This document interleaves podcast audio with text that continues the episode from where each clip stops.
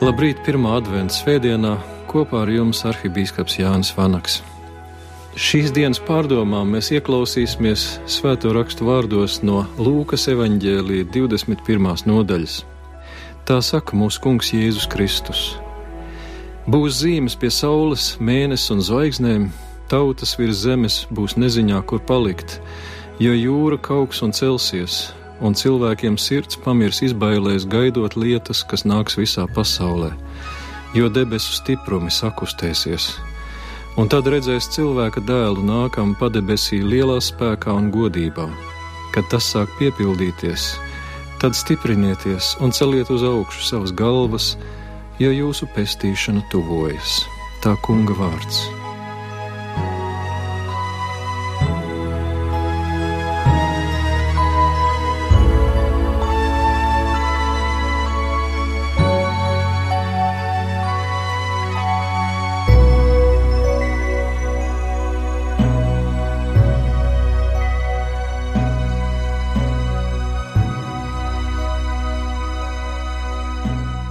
Dievs, Kungs, Svētais Gars, svētī mūsu tavu vārdu patiesībā, kas ir mūžīga patiesība.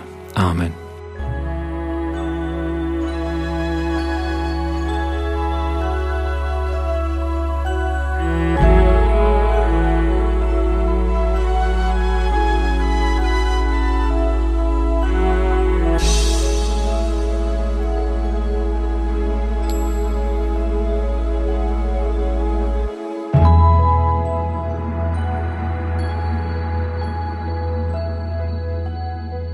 Reiz es piedalījos kādā starptautiskā apspriedē, un kā jau šādās sanāksmēs mēdz būt, pa dienu tur krietni strādā, bet vakarā pavadu laiku neformālās draudzīgās sarunās, un pagrabā bija iekārtot telpu, kur varēja dabūt kafiju un visādus našķus, un es atceros, ka tieši tajā brīdī, kad tika stāstīti joki un anekdotas, par ko visi lieliski uzjautrinājās, es ieraudzīju, ka mazais pagraba lodziņš augstu pie griestiem kvēlo tādā zilgani, violeti, baltā gaismā. Un tas bija tik neparasti, ka es izgāju laukā paskatīties, kas tā par tādu savādu parādību, un tur ārā es ieraudzīju, ka Naksnīgās debesis ir pārklājis zibeņu tīkls, tādas kvēlojošas strēles, locīdamās, sniedzās no viena apvāršņa līdz otram, un kas bija visdīvainākais, nebija nevienas skaņas, neviena pērkona grāviena. Tieši tas varbūt šo parādību darīja īpaši noslēpumainu, un tā likās tāda pārdabiska. Un jūs, protams, nojaušat, kas man ienāca prātā, jo kā zibens zibeņodams spīd no vienas debesu puses līdz otrai, tāda būs arī cilvēka dēla atnākšana. Tāds būs Kristus savā dienā, kad viņš atkal nāks godībā tiesāt dzīvus un mirušus. Es nodomāju, vai tiešām tas notiek? Vai tiešām tā ir tā diena, šis ir tas brīdis, par ko kungs Jēzus teica, ka tā atnāks piepeši tad, kad neviens to īpaši negaida. Izrādījās, ka tā tomēr ir kaut manis iepriekš neredzēta, bet tomēr dabīga parādība, un tomēr man tā bija zīme, zīme pie debesīm. Jo tikpat labi tas tiešām varēja būt tas brīdis, mūsu kunga lielā diena. Un kādu dienu mēs to patiešām piedzīvosim? Padomāsim par savu dzīvi, ko es daru, kur es pavadu savu laiku, pie kā kavējas manas domas, manas acis, manas runas, kas no tā viss ir tāds, kur es gribētu, lai Kristus mani atrod, kad viņš nāks. Ja man būtu jāatbild, es droši vien teiktu, es gribētu, lai viņš man atrod dievkalpojumā, stāvot altārī, svētā vakarēdienu liturģijā, vislabāk tajā brīdī, kad es turu paceltu tikko konsekrētu maizi un biķeri, un tanī brīdī Kristus nāk un atrod mani altārī ar sakramentu rokā. Jā, to es gribētu gan. Tas tiešām būtu skaisti.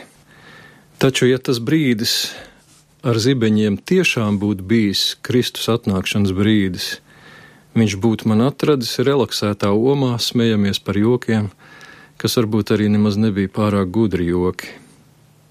Kad Kristus atnāks, kur viņš mani atradīs? Tiešām pavaicāsim sev to, viņš nāk un atnāks negaidot. Kur Kristum ir vislielākās izredzes man atrast? kur es pavadu visvairāk laika, kādās nodarbēs, kādā sabiedrībā, kādās noskaņās es visvairāk uzturos. Tur Kristum ir vislielākā iespēja mani atrast viņa lielajā dienā. Mēģiniet aizvērt acis un brīdi iztēloties to vietu, to nodarbi, to tikšanos, kur Kristus tevi atradīs. Kāda būtu sajūta? Vai tu priecātos, vai Kristus priecātos par jūsu tikšanos tanī vietā, tanī nodarbē, tanī dvēseles stāvoklī, kādā tu parasti kavējies? Daudz cilvēku saka, ka viņi meklē Dievu. Kunga Jēzus vārdi par viņa atkal nākšanu parāda to Dievu meklēšanu no vienas citas puses. Es meklēju Dievu, cilvēks saka. Bieži šī meklēšana drīzāk atgādina slēpšanos vai izvairīšanos, jo Dievs jau nav tālu nevienam no mums, un Viņš nav ilgi un tālu jāmeklē nevienam, kas patiešām grib viņu atrast. Bet pieņemsim, ka cilvēks meklē Dievu, viņš ir Dieva meklējumos. Viņš domā kādas domas par to, lasa kādas grāmatas, tērzē varbūt kādā kristiešu interneta fórumā. Kā jutīsies Dieva meklētājs cilvēks, pēkšņi aptverot, ka Dievs meklē viņu, ka tas, ko viņš ir apcerējis kā ideju vai mācību, piepieši atver acis un cieši palūkojas viņā. Ka īstenībā nevis tu meklē Dievu, bet Dievs meklē tevi. Vēl vairāk viņš tevi jau ir atradis un tuvojas ar bezgalīgu ātrumu. Jeb kā sacīts senajā nīkais ticības apliecībā, godībā atkal nāks tiesāt dzīvos un mirušos. Vai arī tas neprasa iztrūkšanos un zibenīgu reakciju? Varbūt, lai glābtu savu dzīvību. Pirmais solis pareizā virzienā ir aptvert, ka Dievs ir tepat, ka Dievs ir dzīves. Ne ideja, ko apcerēt, ne mācība, par ko strīdēties, bet būtne, kas raugās tieši tev virsū un nav vienaldzīga. Dievam ir nodomi, varbūt arī sapņi par tevi. Dievam ir kādi solījumi un apgalvojumi par tevi, un kādā dienā tie pārvērtīsies rīcībā. Dievs rīkosies. Kā rīkojas cilvēks līdzās šai realitātei? Tikko staigājot pāri domu laukumam, es ievēroju, ka ir atvērts Ziemassvētku tirdziņš, zīme, ka adventa laiks ir sācies. Advents tulkojumā nozīmē atnākšana. Četras nedēļas pirms Ziemassvētkiem gaidīšanas laiks, kad cilvēkam ir dota iespēja apdomāt to, ka Dievs viņu meklē, ka Dievs viņu ir atradis, ka Dievs nāk. Un visa tikko runātā gaismā man nešķiet, ka tirdziņš ar piparkūkām un karstvīnu ir piemērotākais veids, kā gatavoties, kur Kristus mani atradīs bet tomēr arī tas jau pasaka kaut ko pareizu un svarīgu. Kristus nākšanai vajag gatavoties. Dodoties ceļā uz kādu svešu zemi, lai pavadītu tur kādas nedēļas vai mēnešus, mēs taču gatavojamies, vai ne? Sākam ar to, ka lūdzam vīzu, lai vispār varētu tajā zemē iekļūt, un tad vācam informāciju, krājam naudu, rūpīgi apdomājam, ko ņemt līdzi, kur apmetīsimies, ko darīsim. Mēs rūpīgi gatavojamies, un tas ir tikai saprātīgi, lai neieskrietu nelaimē.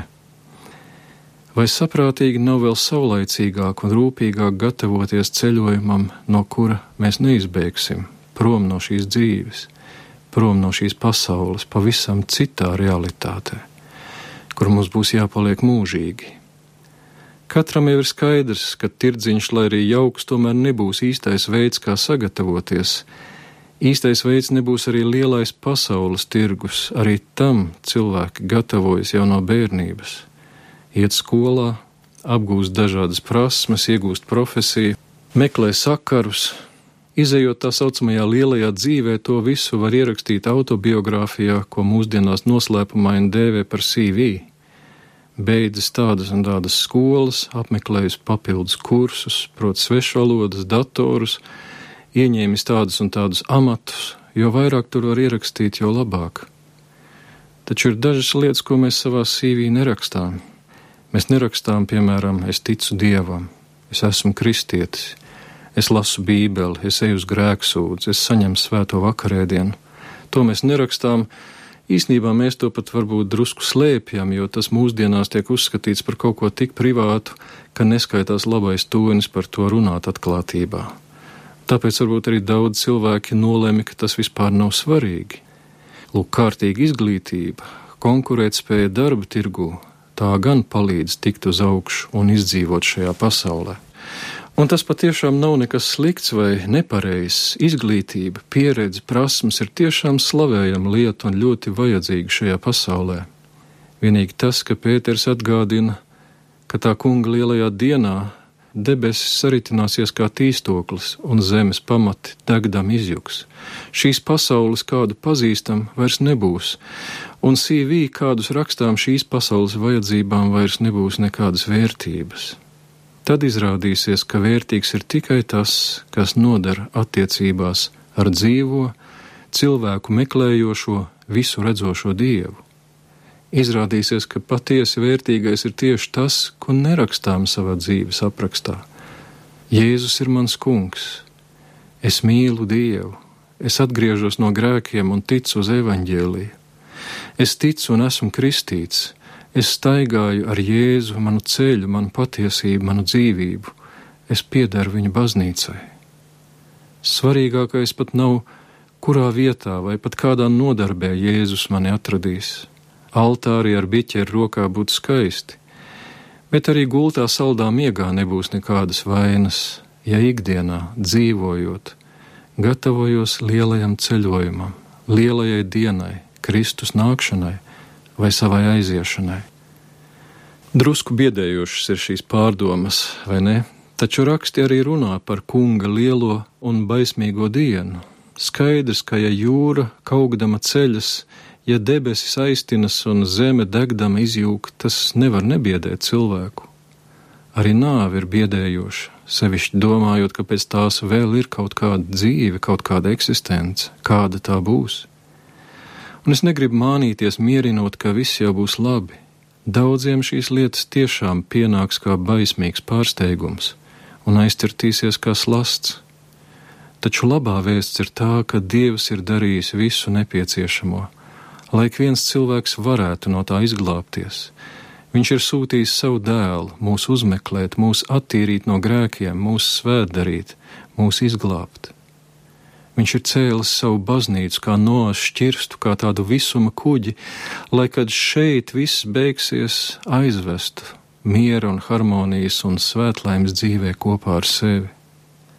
Jēzus saka, ka vispār cilvēkiem sirds izbailēs pamirs, taču tiem, kas ir viņa mācekļi, tiem viņš saka, ka tas sāk piepildīties Kristus nākšana vai cilvēka paša aiziešana Tad stiprinieties un celiet uz augšu savas galvas, jo jūsu pestīšana tuvojas.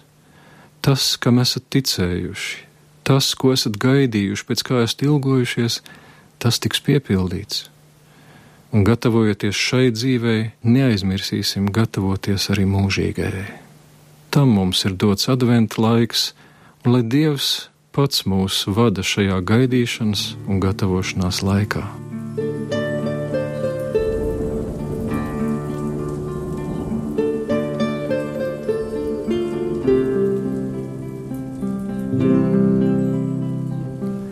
Lūksim, debes Tēvs Jēzus Kristus vārdā, mēs lūdzam Tevi, māci un stiprini mūsu ticībā, lai ticībā uz Tavu dēlu Jēzu Kristu mēs topam vadīti un izglābti mūžīgai dzīvībai. Āmen!